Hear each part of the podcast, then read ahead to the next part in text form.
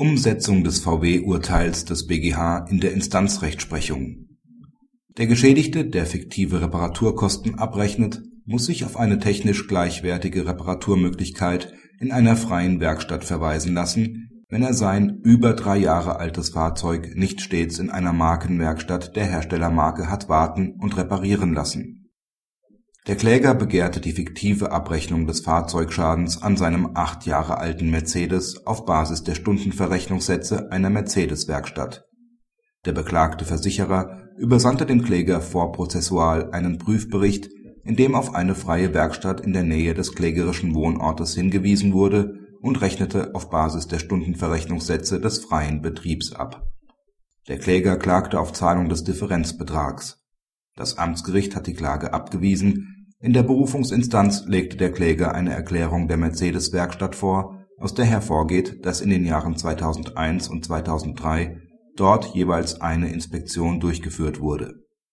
Ferner hatte er Rechnungen der Markenwerkstatt aus den Jahren 2005, 2007 und 2009 über die Durchführung von geringen Prüf und Servicearbeiten eingebracht. Die Berufung des Klägers blieb jedoch ohne Erfolg das Landgericht verweist auf das VW-Urteil des BGH vom 20.10.2009. Unter Berücksichtigung der dort aufgeführten Gesichtspunkte geht die Kammer von einer technischen Gleichwertigkeit der Reparatur in der freien Werkstatt aus. Es waren im Wesentlichen Karosserie und Lackierarbeiten durchzuführen, wobei das Erfordernis ganz spezieller Fachkenntnisse einer markengebundenen Werkstatt nicht ersichtlich ist Zudem war dem Kläger das Aufsuchen der Werkstatt auch zumutbar.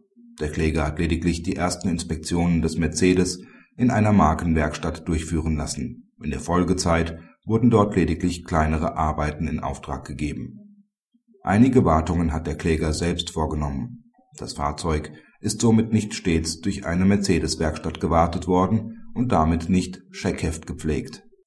Praxishinweis Die zuständige Kammer des Landgerichts Münster gibt mit dieser Entscheidung ihre bisherige Rechtsauffassung auf, wonach die Benennung freier Werkstätten mangels Gleichwertigkeit stets irrelevant war. Bundesweit setzen derzeit die Instanzgerichte die Rechtsprechung des BGH um. Grundvoraussetzung für einen Verweis ist danach aber, dass dem Geschädigten überhaupt eine konkrete Werkstatt benannt wird. Für den Umstand der stetigen Wartung und Reparatur in einer Markenwerkstatt ist der Geschädigte sekundär darlegungsbelastet bei entsprechendem Vortrag oder einem vorsorglichen Bestreiten des Schädigers hat der Geschädigte hierzu vorzutragen. Erfolgt dies nicht, so greift die Geständnisfiktion des § 138 Absatz 3 ZPO.